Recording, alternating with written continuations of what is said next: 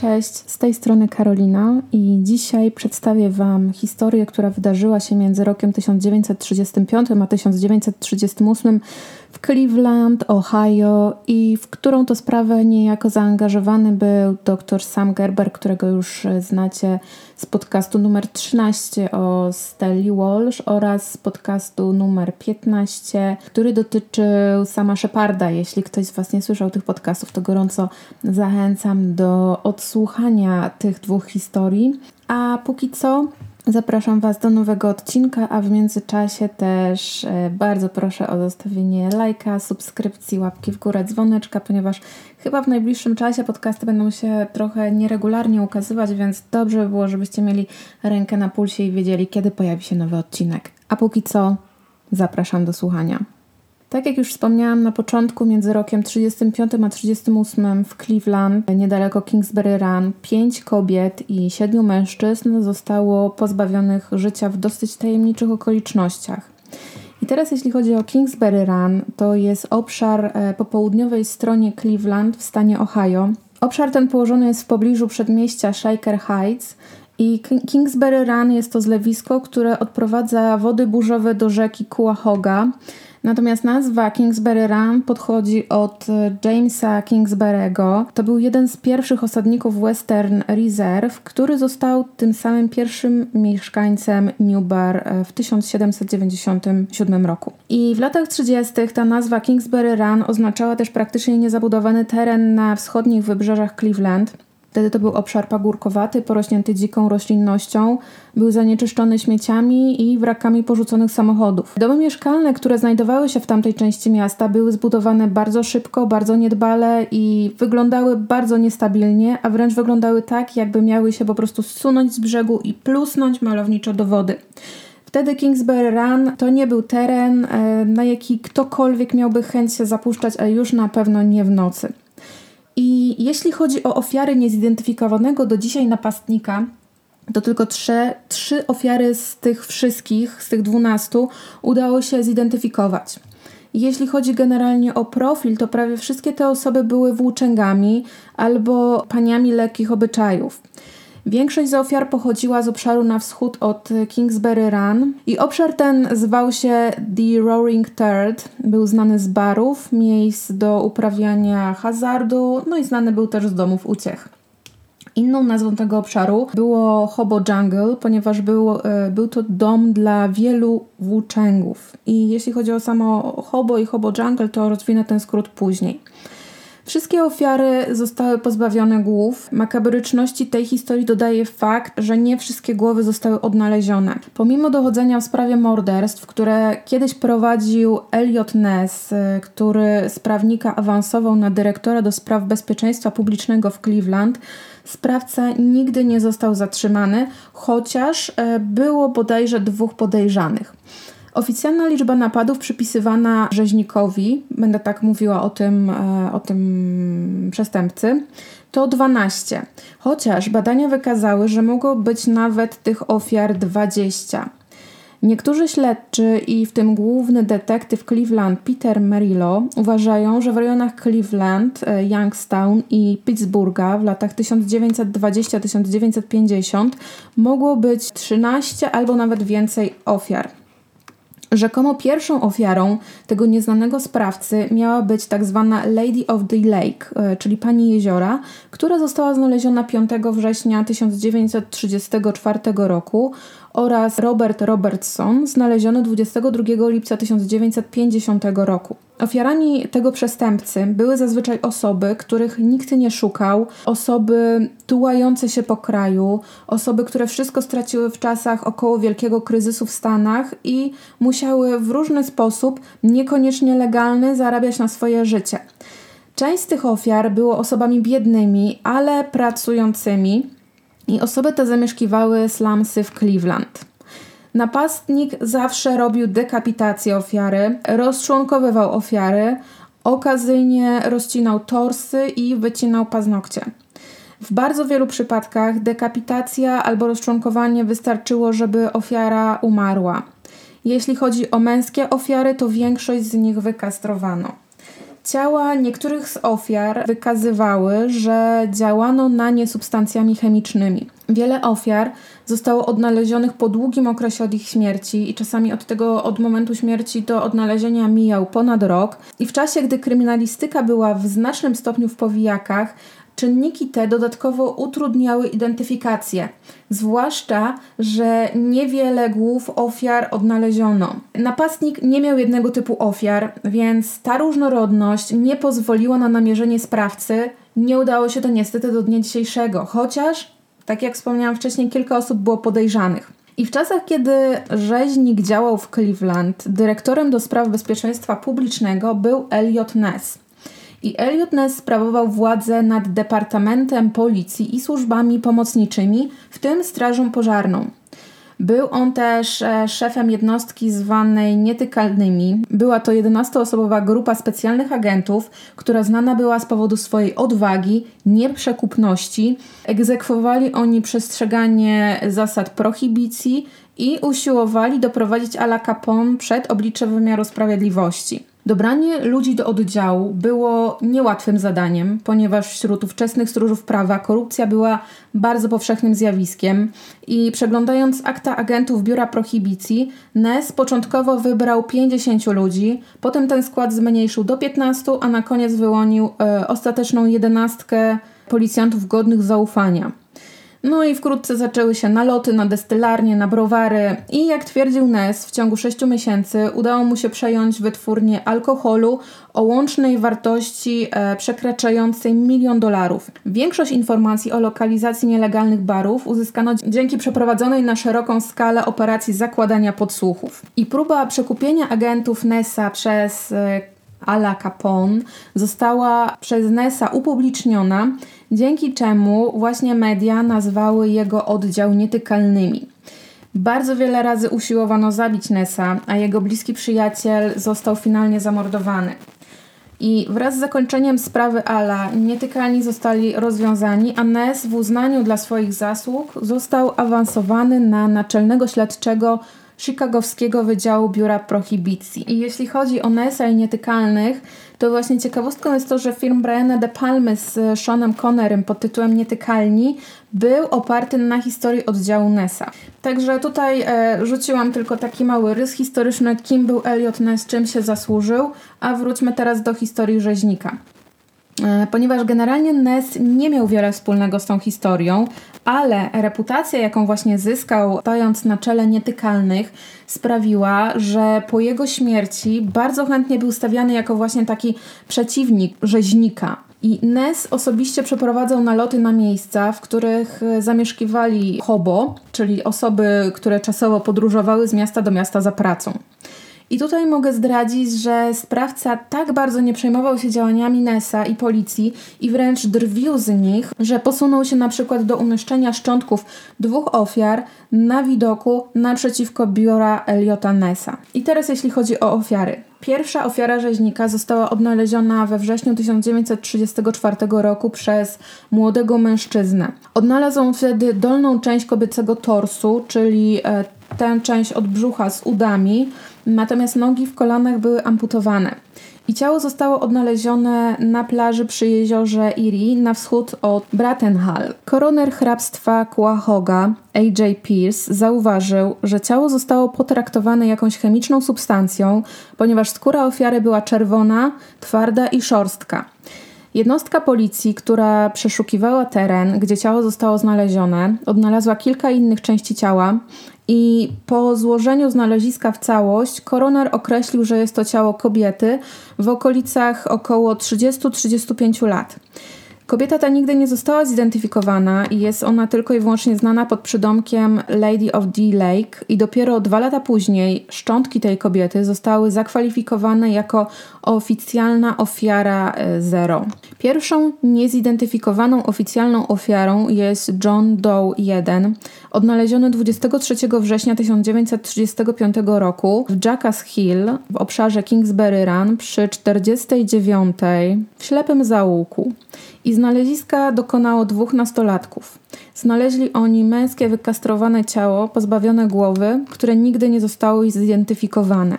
Finalnie głowę odnaleziono, skórę tego niezidentyfikowanego człowieka potraktowano środkiem chemicznym, który spowodował, że stała się czerwona i chropowata. Wstępnie oceniono, że od momentu, kiedy mężczyzna został pozbawiony życia, do momentu, kiedy ciało zostało odnalezione, minęło od 7 do 10 dni. I ostatecznie oszacowano, że ten czas od momentu śmierci do odnalezienia ciała to jest około 3 tygodnie. Przyczyną śmierci tego mężczyzny była dekapitacja. I ciało jego potraktowane było tą samą substancją co e, Lady of the Lake i oficjalnie oszacowano tego mężczyznę jako około 40-latka. I teraz małe wyjaśnienie, ponieważ e, jeśli ofiara jest nieznana i jeśli ofiara jest płci żeńskiej, nada nadawana jest jej nazwa Jane Doe, Natomiast jeśli mężczyzna jest niezidentyfikowany, jest on nazywany John Doe. I dlatego, mimo że nie mamy oficjalnych imion i nazwisk tych ofiar, to są oni w taki sposób opisywani. Razem z tym niezidentyfikowanym mężczyzną z kolei został znaleziony drugi, i ten drugi mężczyzna został zidentyfikowany jako Edward Andrassi. Edward Andrassi został znaleziony leżący około 10 metrów od Johna Doe 1. Andrassi został wykastrowany i pozbawiony głowy. Głowa została odnaleziona. Ciało Edwarda było nagie, za wyjątkiem skarpetek, które miał na sobie. Był także pozbawiony krwi, czyli po prostu ktoś z niego wypompował całą krew. I na nadgarstkach Edward miał ślady po linie. Od momentu śmierci do odnalezienia jego ciała y, szacowano, że upłynęło około 2-3 dni. I to, co wiadomo o Edwardzie, to to, że pracował jako sanitariusz w szpitalu oraz trudnił się drobnymi kradzieżami. Był stałym bywalcem tak zwanego Roaring Third, czyli trzeciego posterunku policji w Cleveland i plotka głosiła, że miał on być też homoseksualistą. Miał on czwórkę rodzeństwa, żonę Lilian Mary oraz e, córkę Sally Ann Andrassi. W styczniu 1936 roku pewna kobieta odkrywa połowę damskiego ciała. Ciało to zawinięte jest w gazetę i schowane w dwa kosze. Kosze pozostawiono obok budynku Hart Manufacturing przy Central Avenue w pobliżu 20 wschodniej ulicy. Pozostałe części ciała zostały odnalezione około 10 dni później, niedaleko Orange Avenue. Głowa nigdy nie została odnaleziona. Podobnie jak w przypadku Edwarda Andrasiego, przyczyną śmierci była dekapitacja. Jednak w przeciwieństwie do Andrasiego, rzeźnik czekał, aż kobiece ciało stężeje pośmiertnie i dopiero wtedy zabrał się za rozczłonkowanie. Odciski palców pozwoliły na zidentyfikowanie ciała kobiety i była to Florence Polillo i Florence była kelnerką. Pracowała w barze, trudniła się też prostytucją. W chwili śmierci mieszkała na East 32 ulicy i Carnegie. W czerwcu 1936 roku Wczesnym rankiem w Kingsbury Run dwaj młodzi chłopcy odkryli głowę białego mężczyzny owiniętą w spodnie w pobliżu mostu na East 55 ulicy i był to John Doe II, czyli druga męska niezidentyfikowana ofiara. Następnego dnia policja odnalazła ciało 20-23-letniego mężczyzny porzucone przed budynkiem policji Nickel Plate Railroad. Mężczyzna miał rudawo-kasztanowe włosy, miał około 177-180 cm, ważył około 75 kg. Zwłoki były opisane jako czyste, pozbawione krwi, rozczłonkowane. I tak jak w poprzednich przypadkach, e, pozbawione były głowy. Pierce ponownie stwierdził, że śmierć została spowodowana przez ścięcie i mimo świeżego zestawu odcisków palców i obecności sześciu charakterystycznych tatuaży na różnych części ciała, Policja nigdy nie była w stanie zidentyfikować ofiary. Wykonano gipsową reprodukcję głowy mężczyzny i razem ze schematem tatuaży i położeniem ich, które zostały, wszystko razem oczywiście, wystawione na wystawie The Great Lakes Exposition w roku 1936. I ta wystawa e, miała pokazać odwiedzającym postęp, jaki został osiągnięty w regionie Wielkich Jezior w przeciągu ostatnich 100 lat i wskazać drogę, w którą stronę ten postęp mógłby iść. I szacuje się, że około ponad 100 tysięcy ludzi widziało tak zwaną maskę śmierci, czyli ten odlew twarzy mężczyzny i tabelę tatuaży. Natomiast nikt tutaj e, żadnych wskazówek nie udzielił, kim ten mężczyzna może być. Co do tatuaży, to miał on sześć e, niezwykłych jak na tamte czasy tatuaży na ciele. Jeden z tatuaży zawierał ptaka i opaskę i imiona Helen i Paul. Tatuaż ten znajdował się na wewnętrznej stronie jego lewego przedramienia. Na zewnętrznej stronie jego prawego przedramienia było serce i kotwica w kolorze czerwonym i niebieskim. Po wewnętrznej stronie flaga i inicjały WCG. Na lewym ramieniu wytatuowano motyla, na lewej nodze na kostce wytatuowano głowę komiksu Jigs, na kostce Kupidyna. Bokserki odnalezionego mężczyzny nosiły znak pralni wskazujący, że właścicielem tych bokserek był niejaki J.D. I ten wytatuowany mężczyzna, tak jak wspomniałam wcześniej, nigdy nie został zidentyfikowany. Natomiast oryginalna maska śmierci razem z trzema innymi z tej sprawy są wystawione w Muzeum Policji w Cleveland. W lipcu 1936 roku pewna nastolatka idąca przez las w pobliżu Clinton Road i Big Creek natyka się na pozbawione głowy ciało 40-letniego białego mężczyzny. Ofiara nie żyje od około dwóch miesięcy, a w pobliżu ciała znaleziono jego głowę oraz stos krwawych ubrań. Ubrania leżały około 3 metry od ciała. Na płaszczu oraz na niebieskiej koszulce polo były widoczne plamy krwi a część ubrań znaleziona została razem z głową. Sądząc po ogromnej ilości krwi, która dostała się do ziemi, ten człowiek najprawdopodobniej został pozbawiony życia tam, gdzie zostało znalezione jego ciało. Aczkolwiek koroner AJ Pierce powiedział, że wstępne śledztwo ujawniło pewne wątpliwości co do tego, że mężczyzna został pozbawiony życia. Nie znaleziono żadnej wskazówki dotyczącej ciała poza ubraniem i ofiara ta do dzisiaj określana jest jako John Doe 3, a Powiedziałam tutaj o wątpliwościach odnośnie pozbawienia życia, ponieważ być może ten mężczyzna po prostu sam sobie odebrał życie i nikt mu w tym nie pomagał. W 1936 roku, nadal we wrześniu, pewien podróżny, próbując wskoczyć do pociągu na East 37 ulicy w Kingsbury Run, potyka się o górną część tułowia. Policja przeszukuje pobliski basen, który był dużym otwartym kanałem i znajduje tam dolną część tułowia oraz część obu nóg.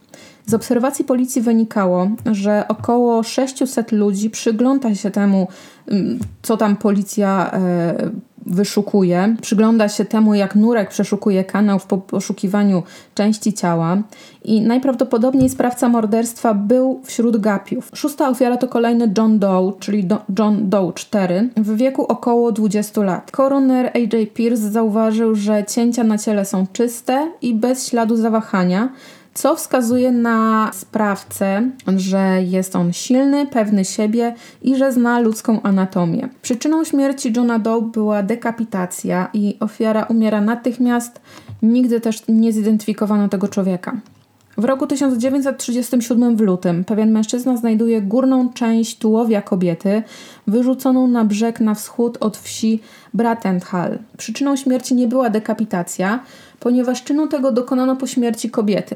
Dolna część tułowia została wyrzucona przez wody na brzeg trzy miesiące później około East 30 ulicy. Kobieta miała około dwudziestki i nigdy nie została zidentyfikowana. Znamy ją dzisiaj jako Jane Doe pierwszą, Jane Doe 1. W czerwcu 1937 roku nastolatek odkrywa ludzką czaszkę pod mostem Lorraine Carnegie. Obok leży płócienna torba z resztkami szkieletu. Okazuje się później drobną czarnoskórą kobietą w wieku około 40 lat. Po uzębieniu została nieoficjalnie zidentyfikowana jako Rose Wallace z Scoville Avenue, a powiedziałam, że identyfikacja była nieoficjalna, ponieważ każdy trop, jaki miał policję nakierować na kobietę, prowadził tak naprawdę donikąd. Syn Jane Doe po pracy jaka została wykonana przy uzębieniu kobiety, stwierdził, że to może być jego matka.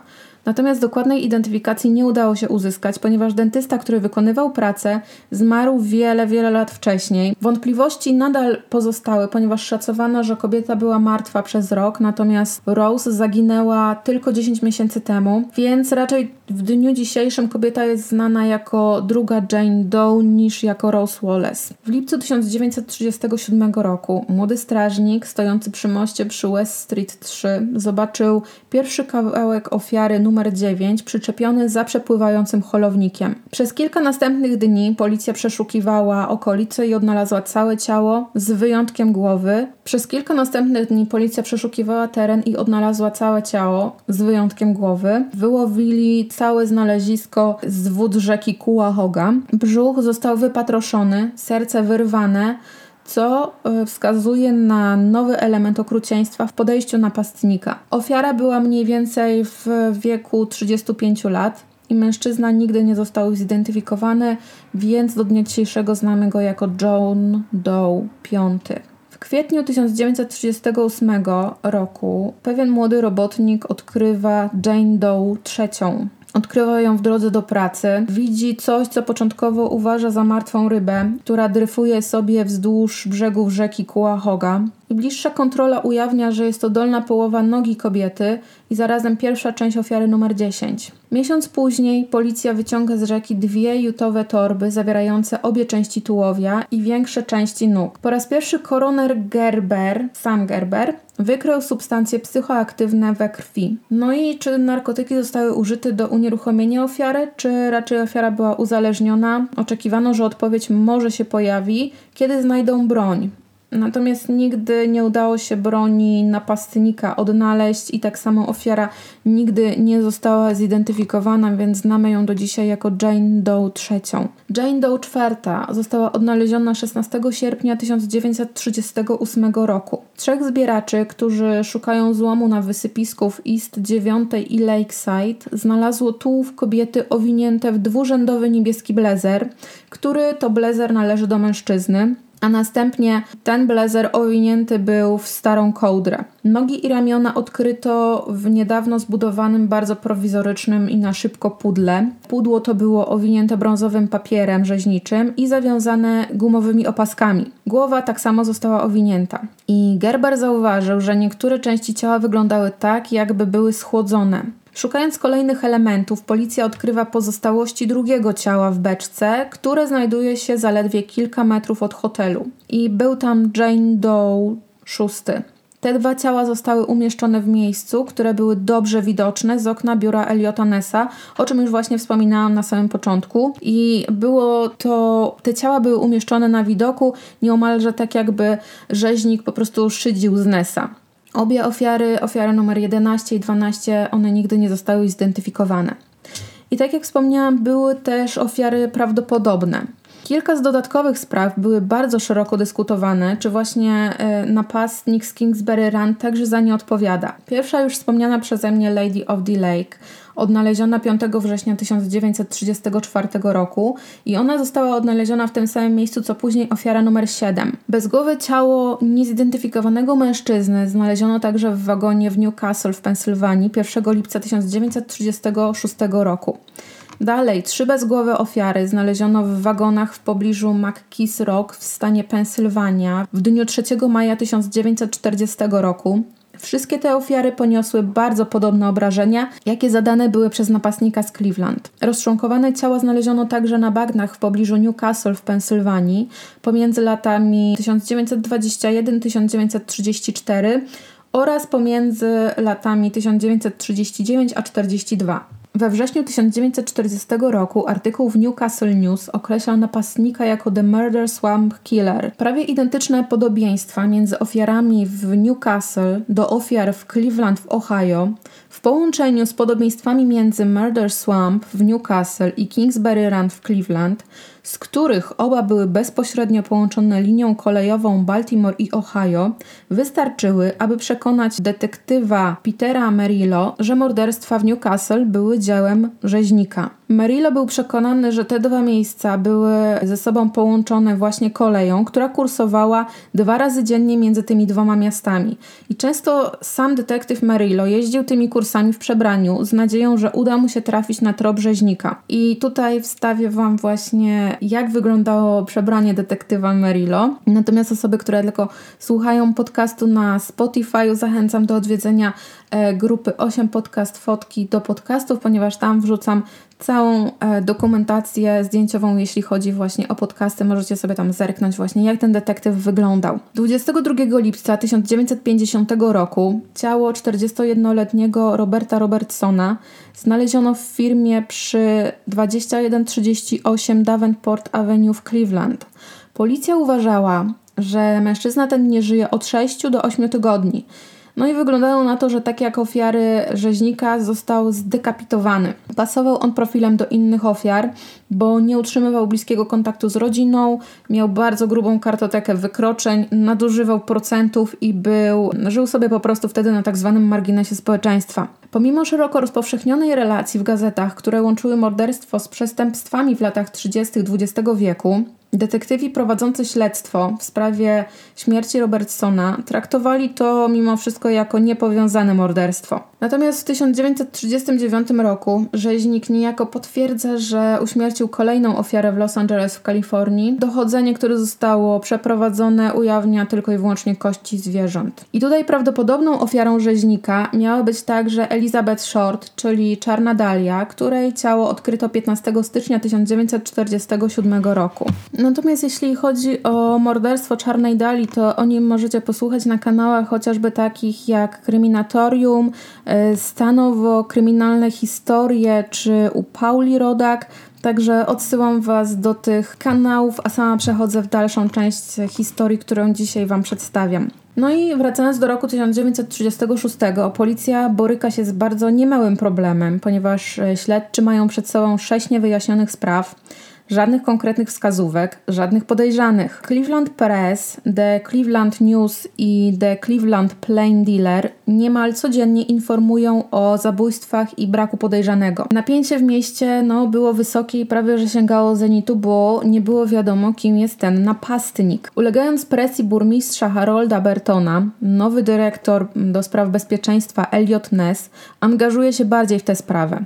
Koroner AJ Pierce wzywa do tego, co gazety nazywają szumnie Torso Clinic, czyli jest to spotkanie policji, koronera oraz innych ekspertów. I na tym spotkaniu wszyscy mają omówić informacje i spróbować wyprofilować kogoś, kto mógłby być odpowiedzialny za te makabryczne zbrodnie. Detektywi Peter Merillo i Martin Zalewski pracowali w terenie na cały etat. Przeczesywali oni teren Kingsbury Run i Roaring Third, i byli tak zaangażowani w sprawę, że poświęcali nawet temu swój czas wolny po pracy. Przesłuchali oni ponad 15 tysięcy ludzi, a ponad 5 tysięcy ludzi przewinęło się przez posterunek policji. Było to jedno z największych śledztw w historii Cleveland. W listopadowych wyborach Harold Burton zostaje burmistrzem, a koronera Pierce'a zastępuje młody demokrata oraz legendarny później Sam Gerber. I ogromne poświęcenie Gerbera na rzecz medycyny razem ze stopniem naukowym, jaki wtedy miał, stawia go tak naprawdę na czele śledztwa. 18 sierpnia 1938 roku o godzinie 12.40 Elliot Ness i grupa około 35 policjantów i detektywów robi nalot na tzw. Tak Hobo Jungles. No i właśnie teraz gwoli wyjaśnienia, czym jest owo Hobo Jungles. Hobo jest to określenie na tak zwanego pracownika migrującego albo inaczej bezdomnego włóczęgę. A pracownik migrujący to jest ktoś, kto migruje w swoim kraju albo poza tym krajem, by kontynuować konkretną pracę, tak jak na przykład praca sezonowa. I pracownicy migrujący zazwyczaj nie mają zamiaru zostać na stałe w danym kraju albo w danym regionie, w którym pracują. Hobo najczęściej podróżowali na gapę w wagonach pociągów towarowych, a Hobo Jungle to slangowa nazwa miejsca, gdzie ci włóczędzy mogli się na chwilę zatrzymać. I termin ten pochodzi z zachodniej części Stanów Zjednoczonych, a został ukuty w około roku 1890. Ale wróćmy do nalotu, jaki zrobiła policja w Cleveland. 11 radiowozów, w tym dwa policyjne samochody dostawcze i trzy wozy strażackie, zjeżdżają na największą grupę Hobo Jungle przy rzece Cuyahoga.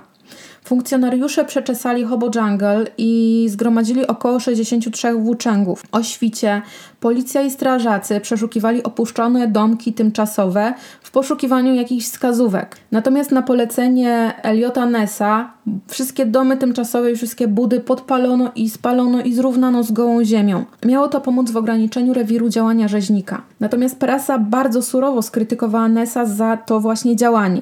Społeczeństwo było przestraszone, było sfrustrowane, a krytycy powiedzieli, że nalot nic nie pomoże w rozwiązaniu morderstw. No i jak pokazują dalsze losy, mieli oni rację. Zbrodnie dokonane przez rzeźnika miały się zakończyć w roku 1938.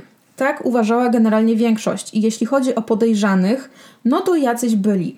24 sierpnia 1939 roku mieszkaniec Cleveland Frank Dolezal, 52-letni, został zaresztowany jako podejrzany o zabójstwo Florence Polillo. Frank był murarzem, był imigrantem i informacja o Franku jako rzekomym podejrzanym została podana do prasy w roku 1939. Frank mieszkał z Flo, a inna ofiara rzeźnika spędzała czas w barze, w którym bardzo często przebywał Frank. Frank miał też znać Edwarda Andrasiego i Rose Wallace. Frank przyznał się do zbrodni po bardzo intensywnym przesłuchaniu i żeby uzmysłowić Wam nieco jak wyglądało to przesłuchanie, wyglądało tak, że każde pytanie, jakie, zadawa, jakie zadawał funkcjonariusz policji, kończyło się zdaniem Wiemy, że to byłeś Ty, Frank. Więc sprawiało to, że Frank był sparaliżowany ze strachu i starał się tak odpowiadać, aby policja mu wierzyła. Natomiast y, funkcjonariusze posadzili Franka na twardym krześle i kazali mu się nie ruszać przez całe przesłuchanie. Okazyjnie jeden z funkcjonariuszy uderzał mocno Franka, aby ten skupił się bardziej na bólu, a zapomniał o tym, że chce mu się jeść, pić czy spać. I pomimo tego, że policjanci bili Franka i zastraszali psychicznie, mężczyzna ciągle twierdził, że to nie on jest sprawcą. Przez 6 godzin zaprzeczał wszystkiemu, o co oskarżała go policja. Na jego niekorzyść niestety działało to, że w swoim miejscu zamieszkania miał nóż. I po sześciu godzinach mężczyzna już miał po prostu dosyć i przez ponad kolejną godzinę podawał szczegóły dotyczące rzekomego morderstwa. Natomiast gdy policja rozpoczęła dochodzenie, na podstawie jego zeznań okazało się, że informacje podane przez Franka nie da się tych informacji powiązać z przestępstwem. Kilka dni przed procesem mężczyzna został znaleziony w celi i rzekomo miał popełnić samobójstwo, rzekomo miał się powiesić.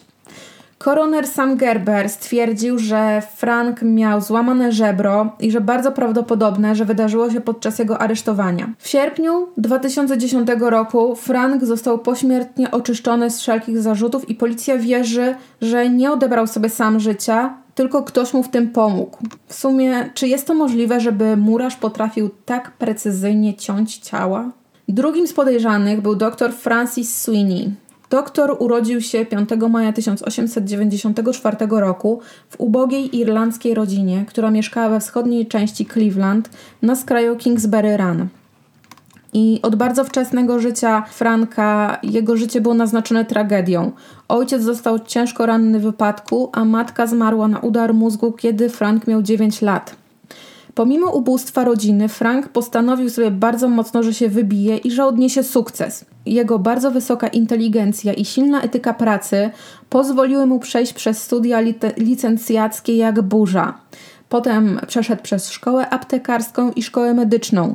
Jednocześnie pracował na pełen etat. Jego koledzy ze szkoły medycznej wybrali go na wiceprzewodniczącego jego drugiej klasy, a profesorowie rekomendowali go bez żadnych zastrzeżeń. Ukończył szkołę medyczną w St. Louis w 1928 roku i został rezydentem chirurgii w szpitalu St. Alexis w rejonie Kingsbury Run. Jego rodzeństwo pamiętało go jako człowieka, który był prawie całkowicie pochłonięty nauką i medycyną. Jednak jego rodzeństwo mogło zawsze na niego liczyć, bo Frank zawsze rzuciłby pracę medyczną i bez wahania zajął się potrzebującym członkiem rodziny, kiedy zachodziłaby taka konieczność. Bardzo troszczył się o zdrowie swojego rodzeństwa i bardzo troszczył się o zdrowie swoich kuzynów. Wszyscy szanowali jego inteligencję i jego wiedzę medyczną. Doświadczenie Franka jako rezydenta chirurgicznego pozwoliło mu zostać protegowanym bardzo szanowanego na tamte czasy lekarza, doktora Karla Hamana. Frank wydawał się mieć przed sobą bardzo obiecującą karierę. Miał piękną żonę i wkrótce razem z żoną doczekali się dwóch synów. Natomiast przepracowanie i dziedziczna skłonność do nadużywania alkoholu i dziedziczna skłonność do psychozy zaczęły bardzo wyraźnie odbijać się na jego zdrowiu. Został przyjęty do szpitala miejskiego z powodu alkoholizmu, ale jego leczenie zakończyło się niepowodzeniem. Picie tylko się pogorszyło, jego małżeństwo i jego kariera zaczęły się rozpadać. W domu był brutalny, a i sam szpital, w którym dr Frank e, pracował, odciął się totalnie od doktora. W końcu żona złożyła pozew w roku 1936, pozew oczywiście o rozwód, wnosząc też o opiekę nad dziećmi i mm, nakaz powstrzymania od odwiedzania, ingerowania lub napastowania jej. To był cytat. Według żony, dr Sweeney zaczął pić nieprzerwanie dwa lata po ślubie w lipcu 1927 roku i pozostawał w stanie pijaństwa aż do separacji we wrześniu 1934 roku. To pogorszenie stanu doktora Sweeneya wydawało się osiągać punkt kulminacyjny w tym samym czasie, kiedy Lady of the Lake prawdopodobnie pierwsza ofiara serii morderstw została wyrzucona na brzeg jeziora 5 września 1934 roku. Niektóre problemy doktora Franka mogły mieć podłoże genetyczne, inne z powodu kontuzji podczas I wojny światowej, a niektóre z powodu przepracowania. Alkoholizm występował w rodzinie Franka i obejmował on zarówno Franka, jak i jego ojca. Mówiłam wcześniej o chorobie psychicznej jakoby dziedzicznej, ponieważ ojciec Franka spędził ostatnie lata życia w azylu, cierpiąc na coś, co wtedy określono jako e, tak dosyć luźnie psychozą. Ojciec Franka podczas I wojny światowej doznał bardzo poważnej kontuzji głowy we Francji, a następnie otrzymał częściową rentę inwalidzką. To, co sprawiło, że Sweeney był przekonującym podejrzanym, to to, że urodził się, wychował i większość czasu spędził, e, większość czasu swojego życia spędził w rejonie Kingsbury Run. Znał każdy zakamarek tej dzielnicy, był dużym, silnym mężczyzną i z pewnością na tyle potężnym, żeby unieść Edwarda Andrasiego i jego niezidentyfikowanego towarzysza po stromym, nierównym nasypie Jackass Hill w Kingsbury Run. Posiadał też on wiedzę medyczną, żeby wykonać bardzo wiele specjalistycznych dekapitacji, rozczłonkowań i czystych cięć. Rzekoma biseksualność doktora Franka mogłaby wyjaśnić, dlaczego rzeźnik wybierał na ofiary mężczyzn i kobiety, podczas gdy większość przestępstw na tle seksualnych dotyczyła jednej albo drugiej płci. Dodatkowo Sweeney był weteranem I wojny światowej i należał do jednostki medycznej, która była odpowiedzialna za amputację kończyn w terenie. Frank Sweeney został później osobiście przesłuchany przez Eliota Nessa, który nadzorował oficjalne dochodzenie w sprawie zabójstw. Sweeney został poddany dwóm testom na wariografię i oba testy przeszedł z wynikiem negatywnym, czyli po badaniu wariografem Francis Sweeney stał się bardzo, ale to bardzo podejrzany. Oba te testy zostały przeprowadzone przez ówczesnego eksperta od wariografu Leonard Killera, który powiedział Nessowi, że ma swojego podejrzanego. Natomiast Ness uważał, że nie ma szans na złapanie lekarza, ponieważ e, Frank Sweeney był kuzynem jednego z przeciwników politycznych Nessa, czyli kongresmena Martina L. Sweeneya, który publicznie wyśmiewał Nessa za to, że nie udało mu się złapać e, mordercy. Sweeney został zamknięty w szpitalu weteranów i w latach 50. ubiegłego wieku wysyłał masę pocztówek Nessowi, nękając go tym samym, e, nękając całą rodzinę Nessa, no i finalnie Sweeney zmarł w szpitalu weteranów w Dayton 9 lipca 1964 roku. Kolejnym podejrzanym był Gaylord Sandheim, opisany przez Nessa jako homoseksualny student medycyny, członek prominentnej rodziny w Cleveland. I to w zasadzie tyle, jeśli chodzi o tego e, podejrzanego. Natomiast jeśli był z prominentnej rodziny, no to tutaj Elliot Ness, tak jak w przypadku Sweeneya, nie mógł za bardzo nic zrobić. W 1997 roku pojawiła się jeszcze jedna teoria dotycząca napastnika, a mianowicie, że nie było żadnego rzeźnika, a zbrodnie zostały dokonane przez różnych ludzi. I teoria ta opierała się na założeniu, że wyniki autopsji przeprowadzonych były niejednoznaczne. Koroner hrabstwa Cuyahoga Arthur J. Pierce mógł być niekonsekwentny w swojej analizie, czy cięcia na ciałach były dziełem ekspertów, czy może jednak dokonane były niedbale. Po drugie, jego następca Samuel Gerber, który cieszył się zainteresowaniem prasy ze względu na jego udział w takich sprawach, e, zyskał reputację człowieka od sensacyjnych teorii. Natomiast jedyną pewną rzeczą było to, że wszystkie ofiary morderstw zostały rozczłonkowane i pozbawione głów. Do dziś rzeźnik nie został znaleziony, nie został zidentyfikowany, tak jak wspomniałam. A ta sprawa była początkiem końca kariery Eliota Nessa. Winą za nieodnalezienie sprawcy został obciążony Ness, co odbiło się w późniejszych wyborach na urząd burmistrza miasta. Powodem, dla którego nie udało się złapać rzeźnika jest to, że nie miał jednego wzorca ofiar. Może to zabrzmi troszeczkę bezdusznie, ale jak dla mnie po prostu brał wszystko, co leci. A może brał wszystko, co leci, bo faktycznie był lekarzem i potrzebował, że tak się wyrażę, podszkolić swój warsztat. Skoro cięcia były czyste, bez wahania, ostre, bez żadnych szarpań. Jedyne, co tak naprawdę łączyło ofiary, to to, że były rozczłonkowane, dekapitowane, traktowane czasami jakąś substancją chemiczną. Były osobami, o które nikt by się nie martwił, gdyby te osoby zaginęły. Może sprawcą był jakiś chirurg szlifujący swój warsztat, a może cięcia nie były właśnie tak czyste, jak sugerował koroner. Napastnik miał trochę wiedzy na temat anatomii. Być może pracował jako lekarz, może jako rzeźnik, może był myśliwym. Cięcia wykazywały, że był bardzo wykwalifikowany w krojeniu mięsa. Wierzono, że napastnik miał dostęp do prywatnej przestrzeni, w której dokonywał zbrodni, ponieważ e, ciała były w sumie podrzucane i oprócz jednego mężczyzny, który został znaleziony w lesie, nic nie wskazywało, aby zbrodnie były dokonywane w miejscu znalezienia ciał. Napastnik był prawdopodobnie bardzo duży i silny. Mógł również znać Kingsbury Run – Teoretyzowano również, że wybór ofiar i makabryczne okaleczenia były sposobem na zagwarantowanie, że ofiary nigdy nie zostaną zidentyfikowane. No i to w zasadzie tyle, jeśli chodzi o dzisiejszą historię. Jestem ciekawa Waszego zdania. Jak myślicie, kto był tutaj napastnikiem, kto był sprawcą tych niewyjaśnionych zbrodni? Czy był to dr Sweeney? Czy był to student medycyny z prominentnej rodziny? Bo jak wiemy, Frank Dolezal to na pewno nie był. A może to był jakiś niezidentyfikowany myśliwy, albo człowiek innego zawodu, który sobie po prostu w międzyczasie szlifował, że tak powiem, cięcia na różnych randomowych osobach. Jakie jest Wasze zdanie w tej kwestii? Bardzo chętnie przeczytam Wasze komentarze, a póki co dziękuję Wam bardzo serdecznie za wysłuchanie kolejnego podcastu i do usłyszenia niebawem. Cześć!